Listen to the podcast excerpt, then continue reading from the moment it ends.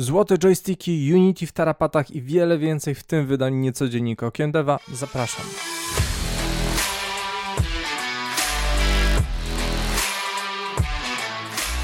Witam serdecznie, nazywam się Grzegorz Wątroba, a to mój kanał Okiem Deva w dzisiejszym niecodzienniku, czyli nieregularnym podsumowaniu najświeższych wiadomości ze świata gier. Mamy sporo ciekawych informacji, więc zaczynamy.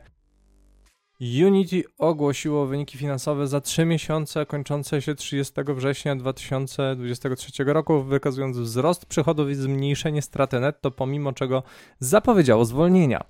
E, z kluczowych liczb przychód 544 miliony, czyli 69% e, wzrostu rok do roku, strata netto 125 milionów, czyli porównaniu do 250 milionów w ubiegłym roku, przychody z rozwiązań Create 189 milionów, przychody z rozwiązań Grow 355 milionów, czyli to są chyba reklamy, o ile dobrze pamiętam.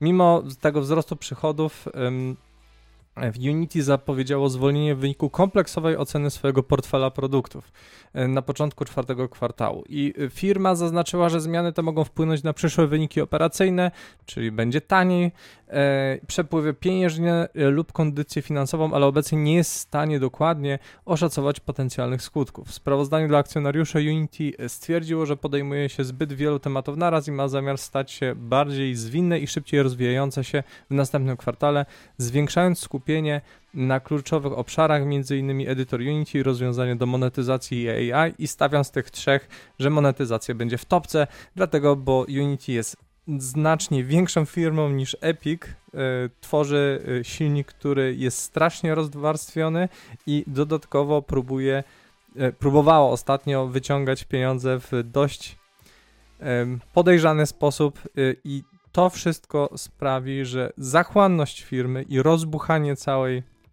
e, całej operacji, jeżeli chodzi o silnik, niestety sprawi, że raczej ludzie będą powoli odchodzić, e, przynajmniej w niektórych, w niektórych obszarach deweloperzy będą szukali alternatyw dla e, silnika, bo stracili zaufanie po ostatnich próbach obciążania deweloperów za pobranie czy za instalację gry.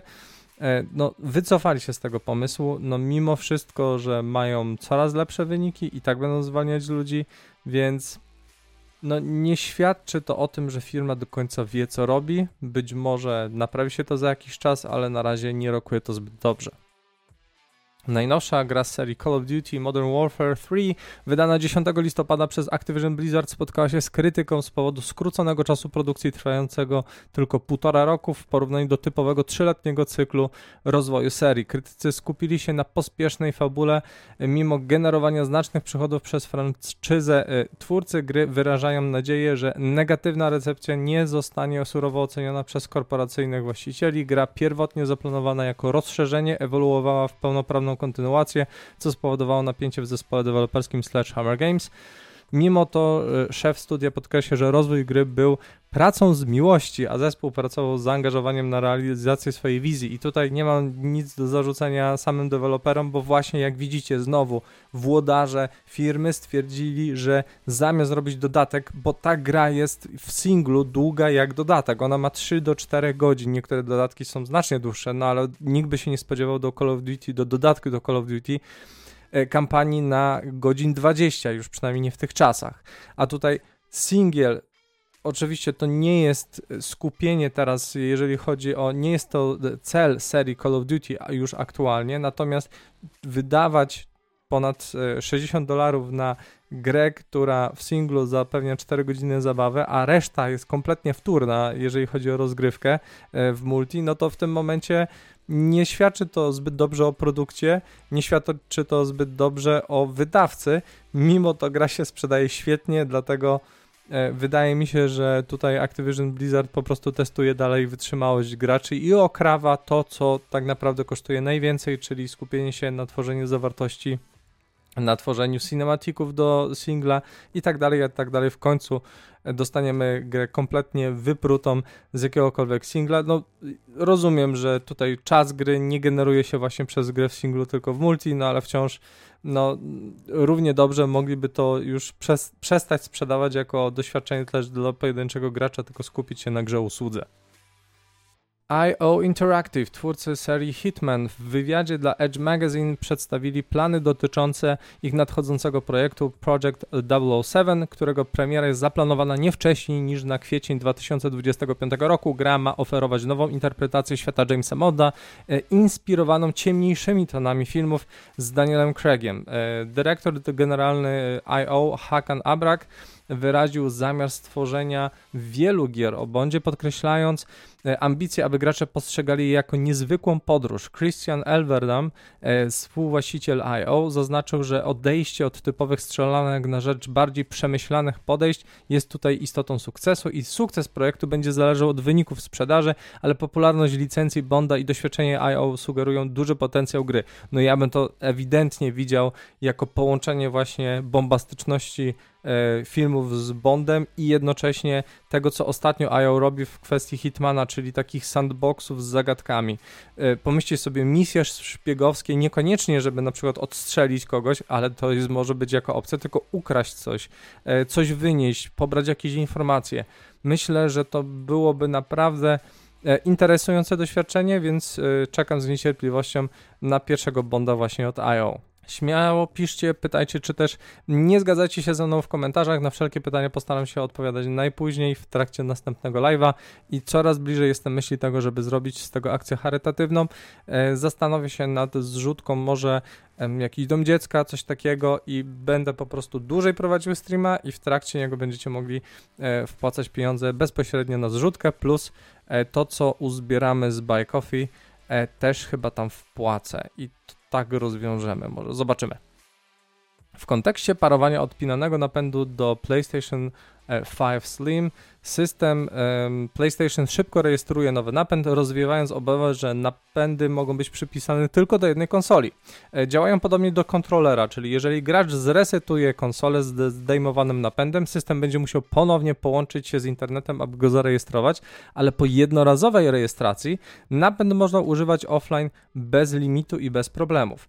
Jednakże jeżeli gracz uruchomi nowe PlayStation bez połączenia z internetem, napęd dysku odmówi przyjęcia dysków. E, nowe konsole będą wymagać połączenia z internetem do weryfikacji, co może być problemem w przyszłości, gdy serwery nie będą już działały. Możliwe, że Sony wyda aktualizację usuwającą to wymaganie, ale jest to kwestia dalekiej przyszłości, długo po tym, jak PlayStation 5 przestanie być główną konsolą Sony. Online e, check-in prawdopodobnie wynika e, ze zgodności z DMCA dla odtwarzaczy Blu-ray, aby zapewnić użycie oficjalnego sprzętu. Czyli jest trochę lepiej niż się spodziewałem, dlatego, bo myślałem na początku, że to jest tak, że kupujesz i to musi być sparowane na stałe z konsolą i albo trzeba to osobno odpinać, albo coś takiego, odrejestrowywać powiedzmy e, ten napęd systemu. A to się okazuje, że tak naprawdę musisz zrobić tą pojedynczą weryfikację i, i tyle. To jest fajniejsze rozwiązanie, bo jeżeli na przykład ktoś ma potrzebę pożyczyć komuś, te, komuś ten napęd, to może tak zrobić więc e, to jest bardziej do klienta niż się spodziewałem. Spoko Sony.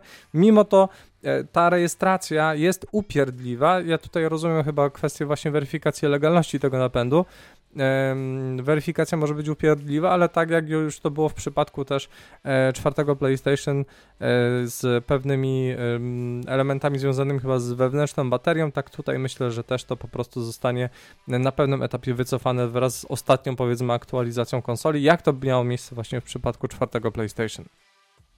W kwietniu bieżącego roku e, Remedy Entertainment ujawniło, że projekt o nazwie roboczej Codename Vanguard kształtuje się jako darmowy, wieloosobowy tytuł w e, fazie koncepcyjnej. Teraz firma ogłosiła, że gra będzie się nazywała Kestrel, e, zmienia kierunek na płatną grę z mocnym elementem kooperacyjnym.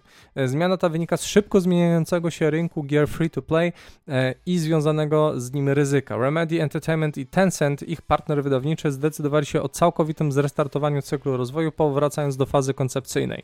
Potwierdzono, że nie będzie zwolnień w wyniku zmiany kierunku projektu, biorąc pod uwagę, że niewiele wiadomo o Codename Vanguard, zmiana kierunku nie jest dużym rozczarowaniem. Remedy Entertainment ostatnio odnosi sukcesy, w tym e, z Alan Wake 2, nominowanym do Nagrody Roku na The Game Awards. No i tutaj właśnie widać już to odwrócenie trendu. Zauważcie, tyle lat ciśnięto w e, free-to-playe, w Game as Service i teraz Sony wycofuje połowę projektu, znaczy nie wycofuje, tylko przekłada, więc prawdopodobnie będzie je przerabiać. CD Projekt Red z The Massive Flood też e, będzie ten swój pro, Project Series prawdopodobnie już teraz przerabia to w inny produkt, czyli już przewidzieli, że stricte gra usługa może nie złapać. Rocksteady po raz kolejny gdzieś tam e, boryka się z, e, z Justice League, czy tam Injustice. E, i teraz macie tutaj kolejne, przepraszam, Suicide Squad Kill the Justice League, o, o ten tytuł mi chodziło, no i teraz widzicie, że Remedy już będąc w fazie koncepcyjnej mówi, no kurde, jednak chyba jak wydamy to, to rynek będzie przepchany grami usługami i trzeba zrobić coś nowego. I bardzo, bardzo dobrze, bo tych gier jest już na tyle dużo, że wbicie się w rynek e, przy tak nikłym już wzroście, bo chyba osiągamy tutaj pewien limit e, przyrostu przynajmniej graczy, jeżeli chodzi o ludzi chętnych do grania w usługi i płacenia tam, e, czy walczenia powiedzmy z tą monetyzacją jest coraz mniejszy, więc dobrze, że idzie to w tą stronę i podejrzewam, że ten trend się jakoś tam utrzyma.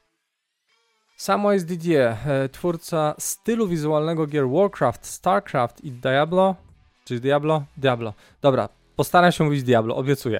E, opuścił Blizzard po 32 latach pracy. E, ogłosił swoje odejście na Twitterze, nie ujawniając planów na przyszłość. Didier był w, e, głównym dyrektorem artystycznym w Blizzardzie, znany z tworzenia charakterystycznego kreskówkowego stylu e, tych gier.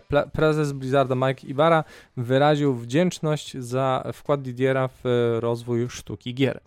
E, I drugie odejście, Christian Gerling, obecny szef technologii Naughty Dog, również opuszcza studio po 17 latach pracy. Pracował nad grami z serii Uncharted i The Last of Us, a jego odejście potwierdziło studio na Twitterze, czy tam Xie.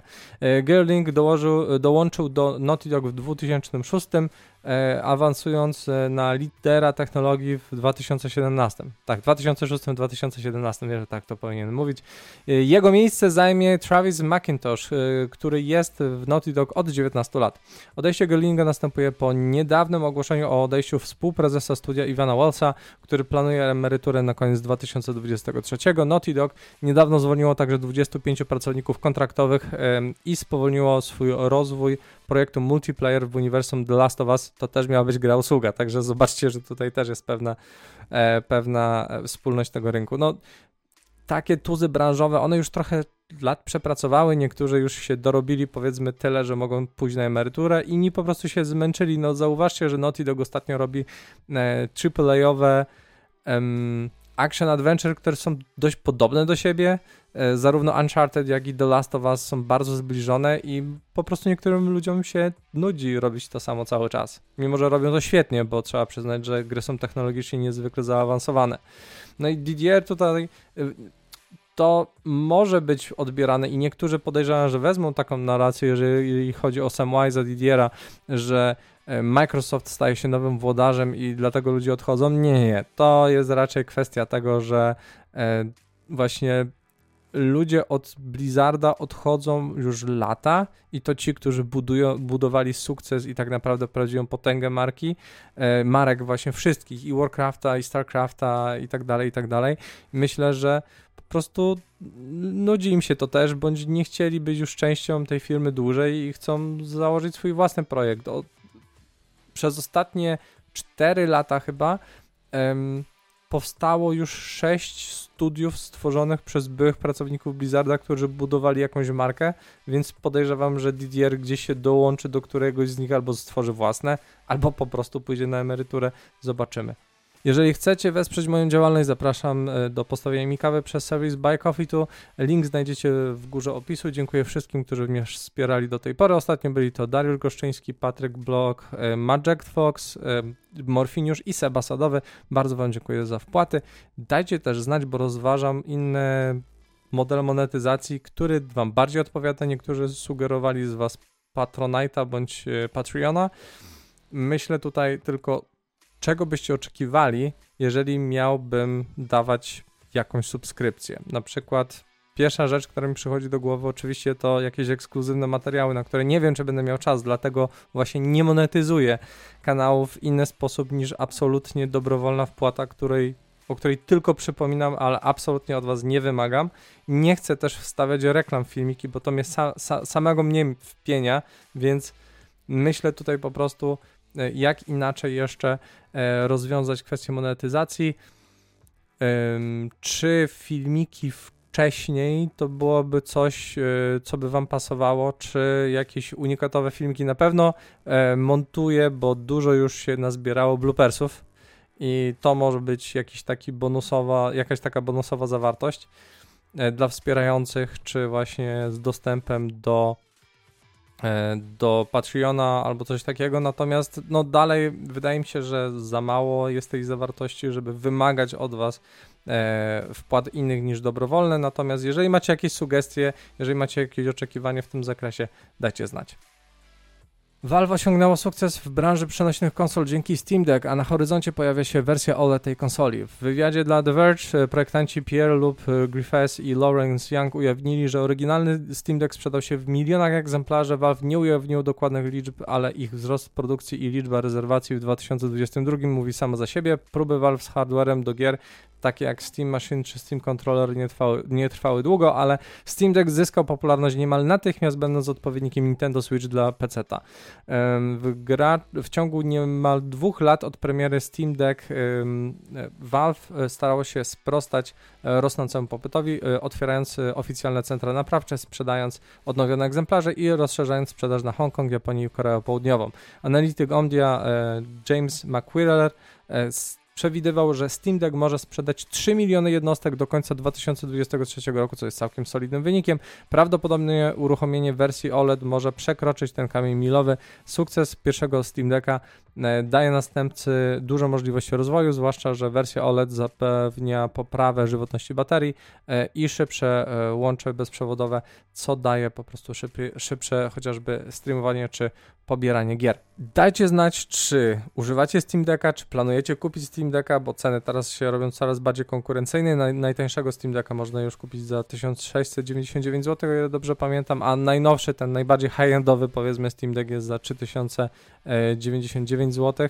E, czy planujecie zmieniać Steam Decka, czy uważacie to za najlepszą platformę spośród tych trzech, bo mamy jeszcze e, Asus ROG Ally, mamy Lenovo Legion Go i parę innych jeszcze produktów, które są powiedzmy mniej znane. Co o, tym sądzicie i czy lubicie w ogóle właśnie takie granie w podróże, ale w gry pecetowe?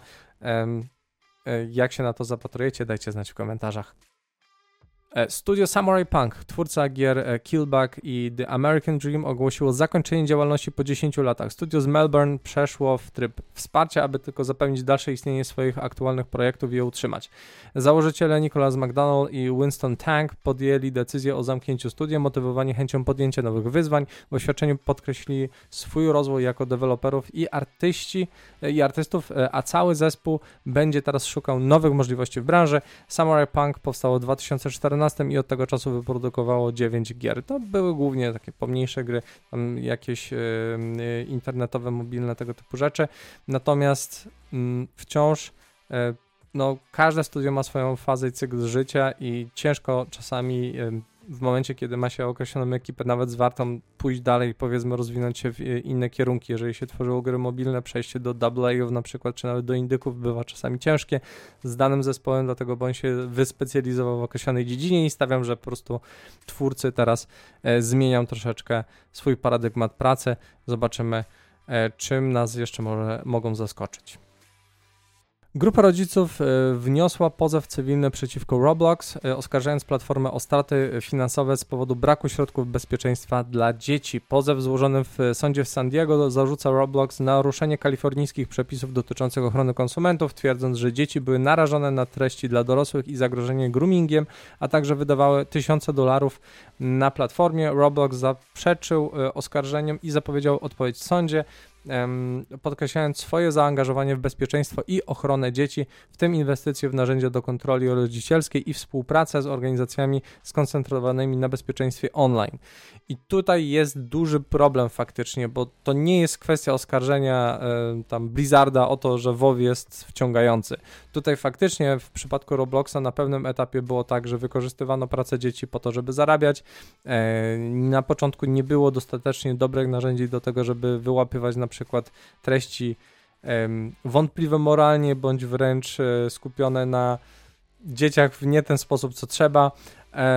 Były faktycznie, wykorzystuje się Roblox jako platformę E, społecznościową, więc też e, ciężki był na początku proces weryfikacji wieku i doprowadzenie do tego, żeby jednak e, dorośli nie rozmawiali w określony sposób z dziećmi, z nieletnimi, no właśnie to, to mm, stąd te zjawiska groomingu, więc tutaj mm, firma bardzo szybko się rozwijała i ta technologia nie nadążała, no, natomiast reagują już teraz dostatecznie szybko i być może to akurat dotyczy starych spraw, no mimo wszystko ktoś ich z pewnych e, zaniedbań musi rozliczyć. Podejrzewam, że ostatecznie pewnie przystanie to wszystko na jakiejś ugodzie, jeżeli firma udowodni, że już teraz potrafi się zabezpieczyć przed e, oskarżeniami, przed tymi wydarzeniami, które były treścią oskarżenia. Jeżeli słuchacie moich nagrań na Spotify czy innych serwisach podcastowych, zapraszam e, do tego, żebyście wskoczyli na chwilę na YouTube, dali zasięgowy komentarz czy lajka, subskrybujcie, jeżeli dalej tego nie robicie e, i e, udostępniacie materiały dalej. Przekażcie też trochę miłości dla Łukasza i Izy, którzy mm, tutaj sprawiają, że ta warstwa estetyczna, montaż i miniatury są bardziej atrakcyjne dla Was. Także wielkie dzięki też dla nich. Tegoroczna ceremonia Golden Joystick Awards odbyła się w piątek 20 listopada po raz pierwszy od 2019 roku na żywo w Londynie, a także była transmitowana na całym świecie. 41. inauguracja e, nagradzała talenty z całego przemysłu gier wideo, e, od twórców e, ciągających doświadczeń po postacie ożywione przez aktorów tym roku odnotowano rekordową liczbę głosów w ponad 12 kategoriach, najwięcej nagród, aż 7 złotych joysticków. W tym roku za grę roku zdobyło studio Larian za grę Baldur's Gate 3, e, które również otrzymało wyróżnienie e, najlepszego studia roku. I przejrzyjmy e, te nominacje nie będę tutaj jakby rozczytywał każdej po kolei, tylko raczej będzie kategoria, zwycięzca i ewentualnie kogo innego bym widział tutaj zamiast wybranego studia. Więc najlepsze storytelling, czyli najlepsza narracja, można powiedzieć, Baldur's Gate 3. Oczywiście to jakby tutaj bez, bez dwóch zdań. E, mieliśmy tutaj z pretendentów chociażby Oxenfree 2, które jest bardzo dobre, e, ale nie tak dobre jak Baldur's Gate 3, e, czy Star Wars Jedi Survivor. To jest bardzo filmowa gra, ale rozmyta przez powiedzmy mało mało wciągającą tą główną fabułę, więc tutaj według mnie Baldur's Gate 3 jak najbardziej. Still Playing Award, czyli te, które, te gry, które się e, nadal nadal gra, nadal atrakcyjne są mimo swojego wieku. No Man's Sky tutaj wygrało. To jest akurat e, no już ta bardzo popularna historia, że na początku była znienawidzoną grą ze względu na swój stan, e, a potem ludzie zaczęli ją wychwalać pod niebiosa, że tak powiem. Haha. E, I e, wydaje mi się, że zasłużenie twórcy powiedzmy odpracowali swój szacunek u, u graczy. Genshin Impact tu jest pewnie jednym z tych typów, który mógłby być wybierany. Warframe czy też GTA Online, no bo to, to już jest hegemon absolutny. Counter-Strike tak samo, czy Apex też by się nadawał do tej kategorii, no ale wybrano No Man's Sky. No ludzie po prostu wybierali. Best Visual Design. No to tutaj mamy um, Street Fighter 6, Lies of P, Viewfinder, Hi-Fi Rush, Starfield i Baldur's Gate 3 i Baldur's Gate 3 wygrało. Oczywiście Starfield nie wiem co tu robi. E, Hi-Fi Rush tak, to byłby dobry typ, E, ewentualnie, jeżeli chodzi o właśnie projektowanie wizualne, no to Viewfinder też jest bardzo oryginalny. Lies of P to jest po prostu Bloodborne z Pinokiem, także jest estetyczny, ale nie, nie zachwyca może aż tak bardzo jak e, Baldur. E, a Street Fighter 6 może samą stylową tak, ale tryb pojedynczego gracza to jest porażka. Studio of the Year. Larian Studios jakby bezapelacyjnie. Tutaj y, nie dość, że tworzą gry bardzo spokojnie, etycznie, z dobrym modelem biznesowym, to jeszcze są bardzo otwarci do swojej społeczności, więc e, tutaj bez dwóch zdań.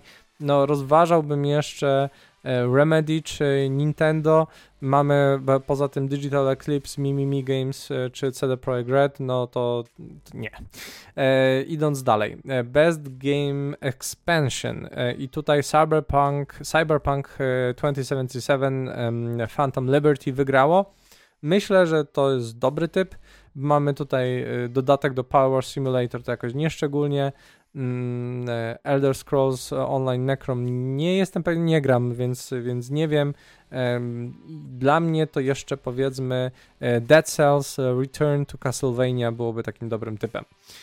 Następna kategoria Best Indie Game i co tutaj robi Day the Diver absolutnie nie mam pojęcia, dlatego, bo to jest gra, którą co prawda bazowy zespół liczył 30 osób, ale dodatkowe 120 i Nikon, czyli e, południowo-koreański potentat MMO wydał kupę kasy na development i na e, promocję, więc to nie kwalifikuje się według mnie na indie. To wygląda jak indie, ale nie kwalifikuje się do indie. E, sea of Stars wygrało. Myślę, że dobry typ. Według mnie Dredge czy Cocoon tutaj jeszcze też zasługiwał e, ewentualnie na, na zamiennie na kolejne typy. Bez multiplayer game i tutaj e, wygrywa Mortal Kombat 1. Nie jestem przekonany. E, według mnie bardziej by ta nagroda powinna pójść do Remnant 2. Street Fighter 6 mm, też nie do końca, Diablo 4 może, Exoprimal jest nudne, E, We Were Here Expeditions to jest e, nieszczególnie zachwycające, e, więc ja bym tutaj widział bardziej drugiego Remnanta i być może na The Game Awards dostaną coś. Best Audio. Final Fantasy XVI wygrał, no ja bym dał to bardziej do Stray Gods albo do Hi-Fi Rush, szczerze powiedziawszy, lepszy dobro muzyki, lepszy klimat, lepsze odczucie muzyki. Final Fantasy XVI to jest po prostu epic, Epic Fantasy Music e, stuff i to jest tyle. Starfield absolutnie nie. Legend of Zelda może, ale jak dla mnie albo Stray Gods, albo Hi-Fi Rush. Następnie Best Game Trailer. Um, Cyberpunk 2077 Phantom Liberty wygrało. Zgadzam się. Um, może uh, Alan Wake 2 miał też bardzo dobry trailer. Best Game Community uh, tutaj wygrało Baldur's Gate 3 i bezapelacyjnie tak, ewentualnie jeszcze Final Fantasy XIV czy Deep Rock Galactic, akurat e, tutaj community ma naprawdę bardzo ładnie rozwinięte i aktywnych użytkowników i uczestników tej społeczności. E, the Legend of Zelda Tears of the Kingdom na, narobiło memów z palonymi kokorami, korokami, korokami, e, ale poza tym jakby nie jest to tak bardzo zachwycające jak to, co robili ludzie w przypadku e, gry Lariana. Dalej, Best VR Game, tutaj jakby nie grałem praktycznie w żadnym, chociaż nie, testowałem niektóre. E, Horizon Call of the Mountain zdecydowanie wygląda najlepiej, wydaje mi się, ewentualnie Synapse. E, Nintendo Game of the Year, oczywiście Zelda, to jakby tutaj bezapelacyjnie. Jedynym drugim typem e, byłoby Super Mario Bros. Wonder, ale The Game Awards zamyka ramy nagród od września do września czyli październikowe gry i dalej nie wchodzą w skład, co jest głupie jak dla mnie jak cholera, ale no dobra, w każdym razie e, nie ma e, nie ma tutaj e, w większości kategorii ani Spidermana drugiego, ani właśnie Super Mario Bros. Wonder, więc drugi typ jak najbardziej e, Legend of Zelda. Następnie PC Game of the Year Baldur's Gate 3, nocowy. E, jak najbardziej, zresztą reszta typów jest nieszczególnie nawet tak interesująca. No, to znaczy, Dave the Diver spoko, jest bardzo dobrą grą, absolutnie. Eee, czwarte Diablo też, ale no Baldur's Gate jest tutaj bezapelacyjnie najlepszym. PlayStation Game of the Year, to jest najśmieszniejsze. Jedyna gra first party na PlayStation wyszła w październiku, więc nie ma jej na liście e, na liście e, tutaj właśnie Game of the Year, stąd multiplatformowa gra um, czyli Resident Evil 4 Remake wygrało e, tą kategorię, e, co też, chociaż no z drugiej strony reszta gier e, też to są multiplatformówki, bądź wkrótce multiplatformówki, które e, które no odbiegają już jakością. No Final Fantasy XVI mógł być takim drugim typem. Armored Core 6 też jest dobre, ale nie aż tak dobre. E, Street Fighter 6 e, tryb singlowy jest okropny, Humanity nie zachwyca e, tak bardzo jak reszta i Star Wars Jedi Survivor, no to to jest też multiplatformówka, która no jest, e, jest po prostu bardzo dobra, ale no nie ubiega się do reszty, także nie umyła się do reszty. Xbox Game of the Year Starfield jakby bezapelacyjne, chociaż ja bym e, chętniej zobaczył tutaj na przykład Hi-Fi Rush, ale to jest gra mniejsza powiedzmy e, też zakresem i, i, budżetem i tak dalej, i tak dalej. Most Wanted Game, e, czyli te, które najbardziej wyczekujemy, Final Fantasy VII Rebirth, jasne, e, ja bym tutaj dał spośród typów, mamy drugi Death Stranding, Star Wars Outlaws, to bym chętnie zobaczył. E, Vampire the Masquerade Bloodlines 2 też bym chętnie zobaczył. Hades 2. Hadesa tak, jak najbardziej. Hadesa albo drugiego Frostpunka. E, absolutnie, absolutnie tak. E, I Black Myth Wukong też tej gry bardzo mocno wyczekuje. Ultimate Game of the Year, czyli e, gra gier no i oczywiście Baldur's Gate 3. E, tutaj, i, i, tutaj właśnie o dziwo mamy wrzuconego drugiego Spidermana i to jest gra bardzo dobra, ale to nie jest e, już tak e, odznaczająca się powiedzmy tą jakością jak reszta. E, Legend of Zelda tutaj też mogłoby e, być e, jak najbardziej na tej liście. Podejrzewam właśnie, że na The Game Awards akurat właśnie Zelda może bardziej potyrać, że tak powiem, w kategoriach. Co tu jeszcze z takich dobrych gier mogłoby e, wyjść? No Metroid Prime Remastered e, było e, całkiem solidne też, ale czy Ultimate Game of the Year to nie do końca. Best Lead Performer, czyli osoba, która tam, aktor, aktor który wcielał się w postać e, jakiejś gry w e, świecie wideo miał główną rolę, no to Ben Starr absolutnie w Final Fantasy XVI dał niesamowity pokaz. E, ewentualnie właśnie Ilka Willi e, i Matthew Poretta w e, e, Alan Wake i Alan Wake 2 też byli świetni. Best Supporting Performer absolutnie tutaj bezapelacyjnie Neil Newborn jako Astarion w Baldur's Gate 3 to jest jakby nie, nikt, nikt się w ogóle nie, nie jest w tej samej kategorii jak ten aktor, to tutaj bezapelacyjnie i Best Gaming Hardware PlayStation VR 2 spoko. Breakthrough Award, e, Cocoon. E, Cocoon jest naprawdę bardzo dobrą grą na Xbox Game Passie, jest do grania, także polecam. Critics Choice Award, Alan Wake 2, też się zgadzam. Best Streaming Game, no to tutaj jeżeli chodzi o popularność, nie, nie oglądam streamerów za bardzo, no ale Valorant e, jest faktycznie bardzo popularny. No, to mamy takie podsumowanie. Zobaczymy teraz jak e, The Game Awards i z tego zrobię osobny materiał z typów, powiedzmy, i to jak ja widzę te kategorie e, i jak ja widzę tych e, nominowanych. I to wyjdzie za niedługo. I to wszystko w tym wydaniu niecodziennika okiem dowa. Wszelkie materiały źródłowe znajdziecie w opisie. Pozostaje mi więc Was teraz pożegnać, życzyć Wam samych pozytywnych popkulturowych doświadczeń i spojrzenia na gry okiem dewa.